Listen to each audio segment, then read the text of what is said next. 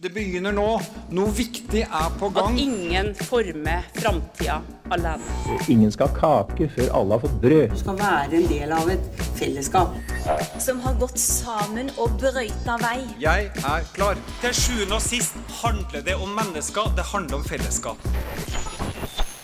Velkommen til Arbeiderpartiets podkast, den tredje i rekka. Min første. Jeg er blitt invitert til å snakke om et tema som jeg brenner veldig for, og da valgte jeg å snakke om mobbing. Med meg har jeg Kristin Odmeier, som jobber i Unicef. Velkommen. Tusen takk. Du kan jo først begynne med å presentere deg sjøl og hva du jobber med. Ja, I Unicef Norge så leder jeg et program som heter Du kan være den ene. Som er et viktig bidrag i det mobbeforebyggende arbeidet. Som starter allerede i barnehagen. Eh, og der jobber jeg ikke bare med forebygging av mobbing, men jeg jobber med å skape trygge, inkluderende oppvekstmiljøer for spesielt sårbare barnegrupper. Og vi vet jo en del om etter hvert at barn som lever utsatt, og som er sårbare, enten deler eller hele sin oppvekst, de er også mer utsatt for å falle utenfor fellesskapet og for å oppleve mobbing. Så det er det dagene går med til. Lære voksne hvordan de kan være betydningsfulle voksne, og gripe inn og håndtere det som skjer. Et utrolig viktig arbeid, og kanskje vi skal begynne med hva det gjør med et menneske å bli utsatt for mobbing. Hva slags konsekvenser mobbinga har for den enkelte? Så mobbingen har ufattelig stort spekter av konsekvenser. Det er jo viktig å si at noen kommer seg gjennom det og, og klarer seg bra og får et vanlig liv. Eh, men samtidig så vet vi jo at dette påvirker på mange plan, eh, og at helseskadene kan være ganske alvorlige allerede i barnealder, eh, men også langt inn i voksenlivet. Og da snakker vi om at man har problemer med å stole på mennesker, f.eks. At det å ha et nært tillitsforhold til andre mennesker er en av mobbingens konsekvenser. Det å miste både selvfølelsen, selvrespekten, troen på framtiden, at man ikke kjenner at man har en plass i fellesskapet, er selvfølgelig også en del av disse konsekvensene. Og mange vet vi, unge strever med depresjoner som kommer tilbake og tilbake. Vi vet at spiseforstyrrelser kan trigges av mobbing, selvskading. Det er et stort spekter av alvorlige konsekvenser som mobbing kan føre til. Og Her er det jo også litt ulike definisjoner av hva mobbing er. Eh, og noen kanskje tenker at eh, ja, litt erting har det alltid vært blant mm. ungene. Man kaller hverandre ting.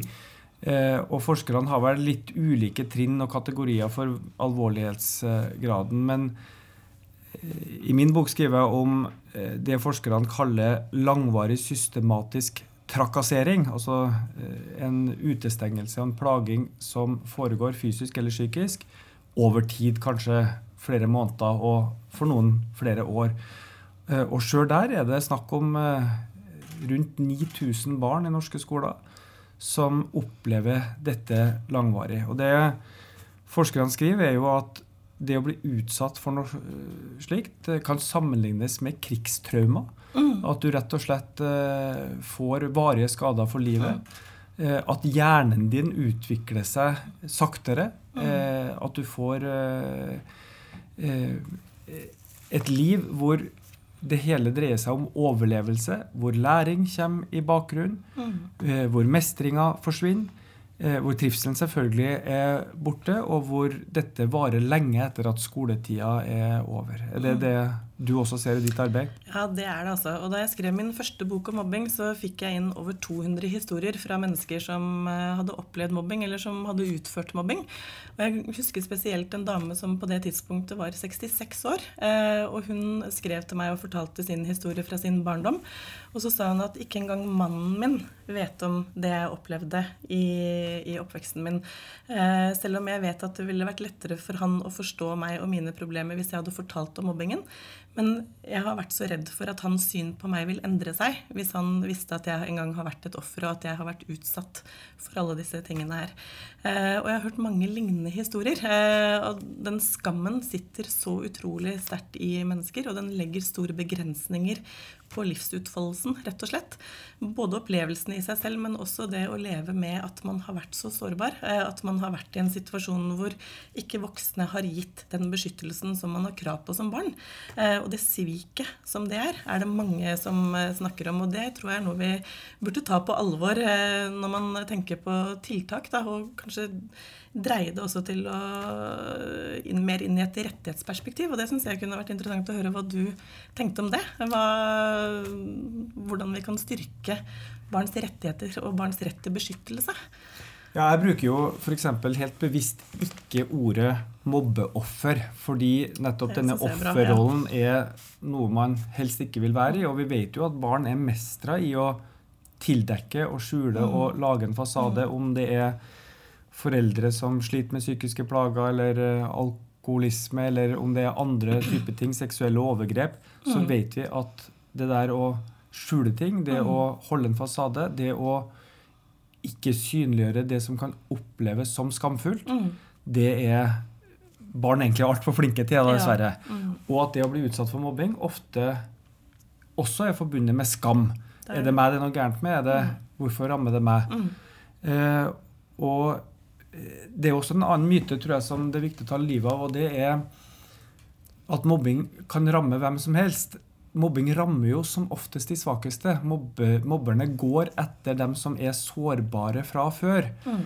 Eh, sånn at eh, også der ligger det et veldig skjevt maktforhold eh, mm. som, eh, som, handler om at det er de sterke som går etter de svake. Og for meg mm og med mitt politiske ståsted så, det, så blir det dobbelt utålelig. Altså, mm. Det er utålelig fordi det er vold, det er overgrep mot andre mm. mennesker. Men det er dobbelt utålelig fordi det går ut over de aller svakeste. Mm. Er det også et eh, bilde du ser?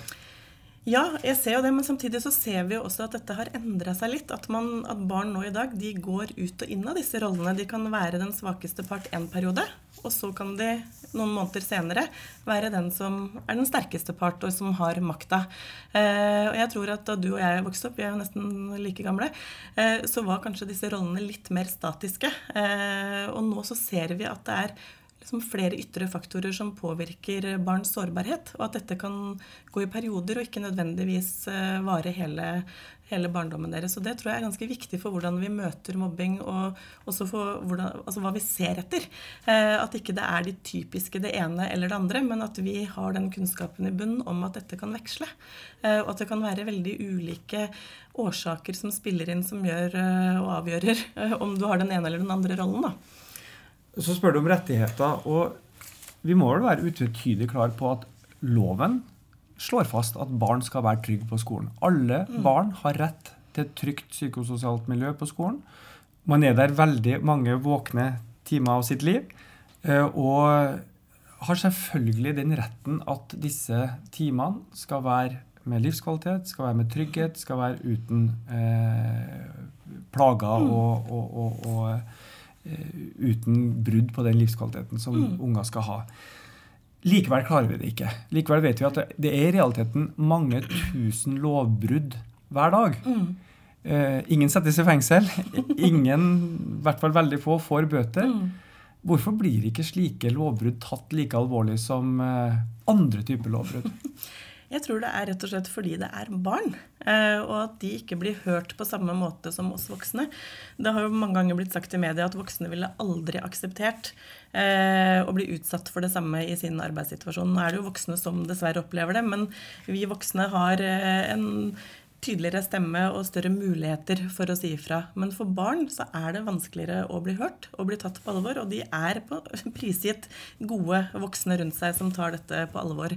Og jeg tror at en av årsakene til at det er sånn, er at det er også for stor variasjon i kunnskapen skolene og lærerne har om hvordan mobbing skal både oppdages og håndteres.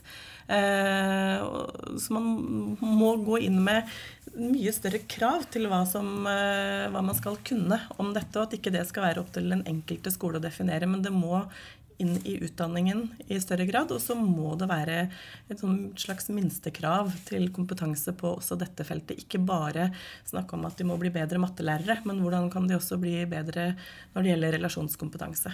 Og Her tror jeg du er inne på et nøkkelpunkt. Da jeg jobba med min bok om skole, så leste jeg en bok om mobbing som heter 'Slik stopper vi mobbingen', en håndbok eh, av Erlend Moen, som jobber i Trondheim kommunes eh, mobbeteam. Eh, og han viser til den forskninga som eh, har kartlagt hvilke sosiale strukturer som oppstår og som trigger mobbing. Og at det er egentlig ganske komplisert. At det er, det er ikke så enkelt at læreren bare ser at noen slåss, og så må han gripe inn eller sette tydelige grenser. Eh, Og at det er veldig sjelden én mobber. Det er nesten alltid flere, fordi, som han skriver, mobbing handler om sosial belønning. At dem som driver med mobbing, får en større status, flere venner, nærere kontakt med andre, gjennom mobbeaktiviteten. Og dette eh, var egentlig ganske nytt for meg når jeg leste dette. Der fikk jeg en og annen liksom, aha-opplevelse. Han skriver f.eks. om at eh, det ofte er eh, tre som driver med mobbinga. Tre jenter f.eks. som knytter sterkere bånd seg imellom ved å ekskludere en fjerde. Eh, og det tror jeg det er mange som kan gjenkjenne fra sin egen eh, skoletid. Den vonde opplevelsen av at noen i gåsehudene rotter seg sammen mot deg. Han skriver f.eks. om en lærer som observerer at jentene i klassen driver og klemmer hverandre hele tida. Det er veldig tett vennskap mellom noen jenter. Og en tenker sånn på overflata så eh, søte ungdommer de klemmer hverandre, er glad i hverandre. Men så er denne læreren trena på å se disse sosiale strukturene. Og legg merke til at denne klemminga foregår bare når det er en fjerde jente til stede som aldri får en klem. Så den varme handlinga på overflata var en isfront mot den fjerde. Og når du ser det, kartlegger det, så kan du gripe inn og begynne å endre disse sosiale strukturene. På samme måte på guttesida, nå kan det være litt hva hvert på begge sider, en som er veldig utagerende mot en annen, eh, tøff, mobbe, eh, så legger læreren merke til at dette skjer bare når det er noen andre gutter som er litt i bakgrunnen, som er dem som deler ut sosial status i klassen, som eh, er til stede og observerer. Hvis ikke de er til stede, foregår heller ikke mobbinga. Og, og Erlend Moen skriver at fordi vi ikke har kunnskap nok om å se og kartlegge disse strukturene, så griper man ofte inn mot feil person. Ja. Og det er en av hovedproblemene i mobbinga. Så jeg er helt enig med deg. Det å bygge kunnskap hos alle voksne i skolen om å kunne se disse sosiale strukturene, forstå dem, og ikke minst hvordan, lære hvordan du skal gripe inn mot dem. Fordi at fjerner du den sosiale belønninga, så fjerner du også mobbinga. Nettopp det, og det syns jeg Det savner jeg når vi debatterer mobbing. Eh, så er det så lett å rope opp om at man må flytte mobberen. Eh, men så må man se på hva er det som egentlig skjer. Kan man bare ta ut én person? Eh, vil det egentlig løse noe i det hele tatt? Jeg syns man er nødt for å tenke at man må gå inn i nettopp de sosiale strukturene. Man må se på betingelsene som gjør mobbingen mulig. Eh, og da er det de sosiale eh, rammene, den belønningen som du snakker om. Men så handler det også om at det er voksne som ikke ser, og som heller ikke griper inn. Eh, og det er de to faktorene som gjør at mobbing kan skje, og begge deler er det faktisk mulig å gjøre noe med. Eh, og man har mye kompetanse i Norge etter hvert på hvordan dette kan gjøres. Så det handler jo om i stor grad å sette de riktige personene i stand til å, å gjøre den jobben, og at de også tar det på alvor, det ansvaret de har for å gjøre den jobben. For jeg tror dessverre, og min erfaring er, jeg reiser mye rundt og holder foredrag, at det er, det er for mange voksne som tar for lett på dette, og som mener at dette er bare vanlige ting som skjer mellom eh, barn. Litt må de tåle. Eh, og så husker de sin egen barndom kanskje, hvor de tålte mye, og det gikk jo bra med dem. Og så finner de liksom grunner som gjør at det er greit å rasjonalisere det som skjer. Eh, og det syns jeg er, det er alvorlig, da, når voksne ikke tar de signalene på alvor, men heller ikke forstår hvilket ansvar de har for å gi barn beskyttelse. Og det er jo vi i UNICEF veldig opptatt av. at barn har rett til beskyttelse. Og vi har tro på at lovteksten kanskje må spisses litt mer. eh, Og at man må knytte barns rettigheter tydeligere inn i opplæringsloven også, for å tydeliggjøre at dette handler faktisk om barns rett til beskyttelse mot vold. For barne, Barnekonvensjonen definerer mobbing som fysisk og psykisk vold mot barn, som de har rett til beskyttelse mot. Eh, Og hvis vi liksom klarer å bruke de ordene og fremme alvoret, så kanskje vi kan eh, få flere til å kjenne på viktigheten av å handle. Eh, og i forlengelsen av det så er jeg også nysgjerrig på, for det har jo ikke blitt snakket så mye om skolens aktivitetsplikt. Eh, og deres eh, ansvar for å handle. Har du noen tanker om det, Trond? Ja, og her tenker jeg at den gode nyheten ligger midt oppi all elendigheten. Nemlig at vi vet hva som skal gjøres. Vi har nok kunnskap om å kartlegge mobbing. Vi har nok kunnskap om hva som skal gjøres av handling.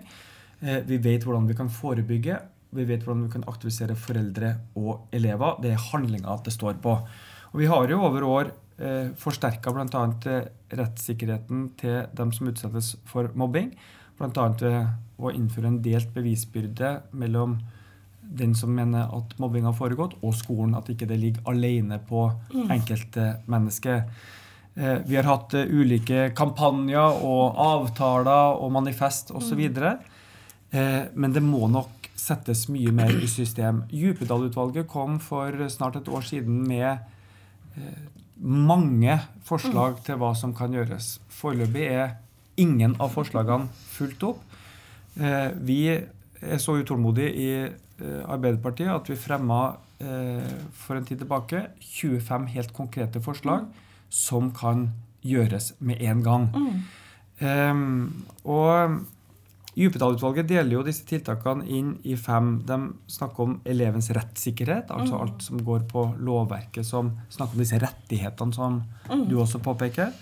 Man snakker om skolekulturen, som er dette ansvaret hos alle de voksne. At det er nulltoleranse, og at det er veldig bevissthet om det, og at det mm. ligger helt framme. Aldri bagatelliseres. Mm. Alltid tas på alvor.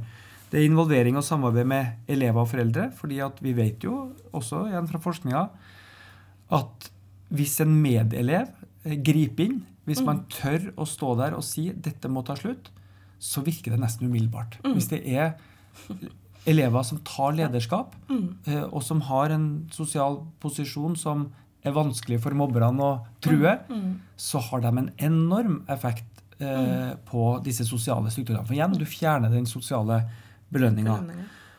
Så er det ansvarliggjøring Eh, og systematikk, og til slutt organisering og ansvar, eh, ansvarsfordeling i støttesystemet. En god skolehelsetjeneste, mm. sosialveileder, alle disse mm. tingene som læreren, eh, apparatene som læreren trenger for å ha den fagligheten mm. i arbeidet.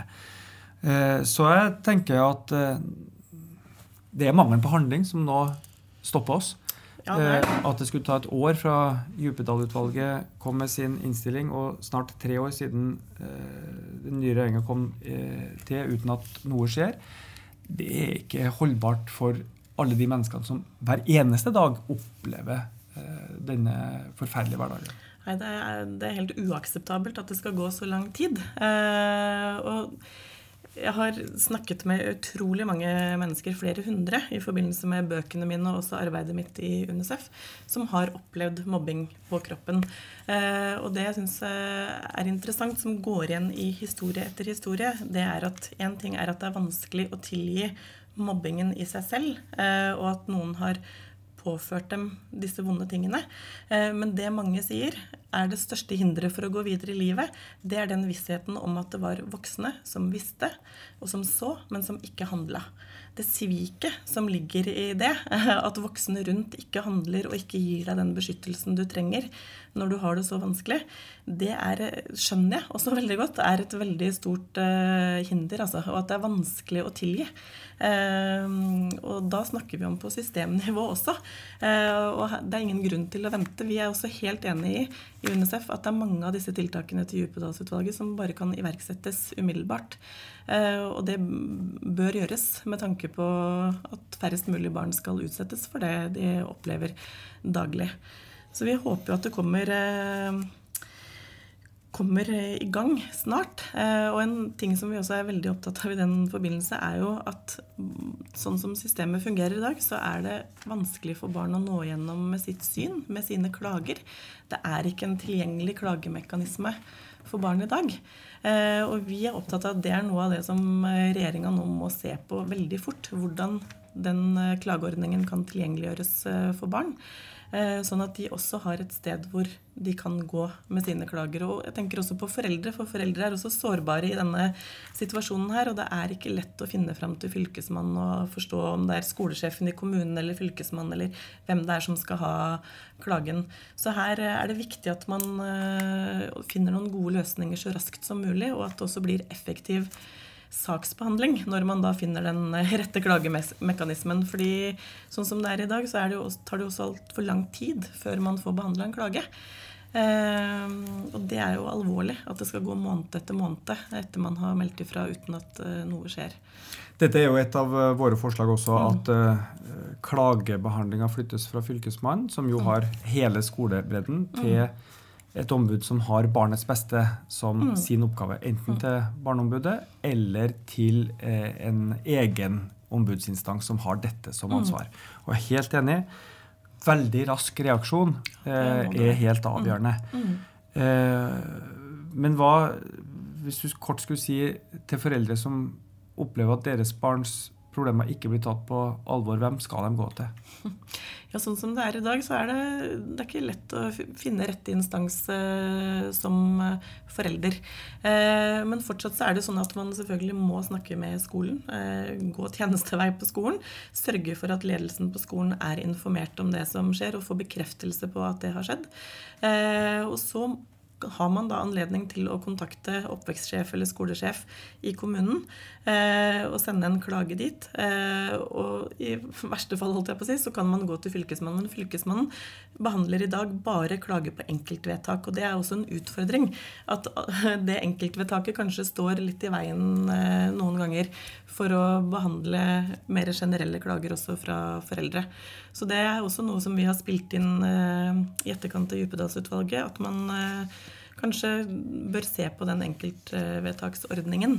Uh, og fremme aktivitetsplikten i større grad, sånn at det blir mer fokus på tiltakene som skolen er pliktig til å sette i gang, fremfor selve prosessen rundt enkeltvedtak osv. For den støyen rundt det, det tar for mye tid og energi for foreldre som er fortvila, og som trenger kjappe svar, og som trenger å bli møtt på en, en god måte.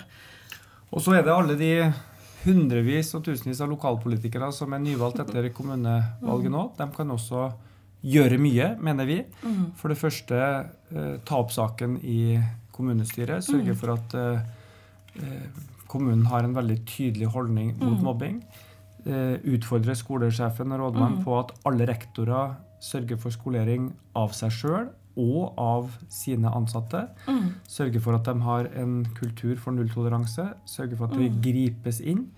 Eh, og også hvis man gjennom Elevundersøkelsen eller andre undersøkelser ser at en skole har et vedvarende høyt mobbeproblem, eh, sørge for at det iverksettes tiltak spesifikt inn mot de skolene. Kompetansebygging, eh, bevisstgjøring og etter mitt syn i siste instans også bytte ledelse hvis mm. dette ikke eh, gjennomføres. For det er et lederansvar å sørge for at ungene mm. er trygge. Ja. Jeg går jo så langt i boka mi at jeg mener at hvis dette heller ikke hjelper, og mm. dette bare vedvarer, eh, så må skolen stenges og elevene flyttes til skoler som er trygge. Fordi at mm. eh, det er så helseskadelig å gå på skoler som har et høyt mobbeproblem, mm. at hvis man ikke får bukt med det, så må man nærmest berge ungene bort og sørge for at de er mm. trygge et annet sted. Jeg mm. tror vi slipper å gjøre det. Ja, for jeg tror bare trusselen om det mm. vil få alle til å bli så bevisste på det og våkne. Eh, og vi vil jo veldig gjerne at Arbeiderpartiets politikere lokalt skal være den voksne som disse ungene tenker at han eller hun er på mitt lag. De forstår meg, de ser meg, og de vil hjelpe meg. Så uh, dette er en oppfordring til for så vidt lokalpolitikere fra alle partier, men i hvert fall fra Arbeiderpartiet. Mm. At uh, når eh, gutten eller jenta som gruer seg hver dag til skolen, mm. uh, eller til bare å stå opp om morgenen, fordi at vi vet jo at i den digitale tid så skjer mobbinga 24 mm. timer, det, det stopper aldri opp, skal vite at det fins noen som er på deres lag, og det skal være oss. Og med det takker vi for oss, og takker for at du lytta på oss.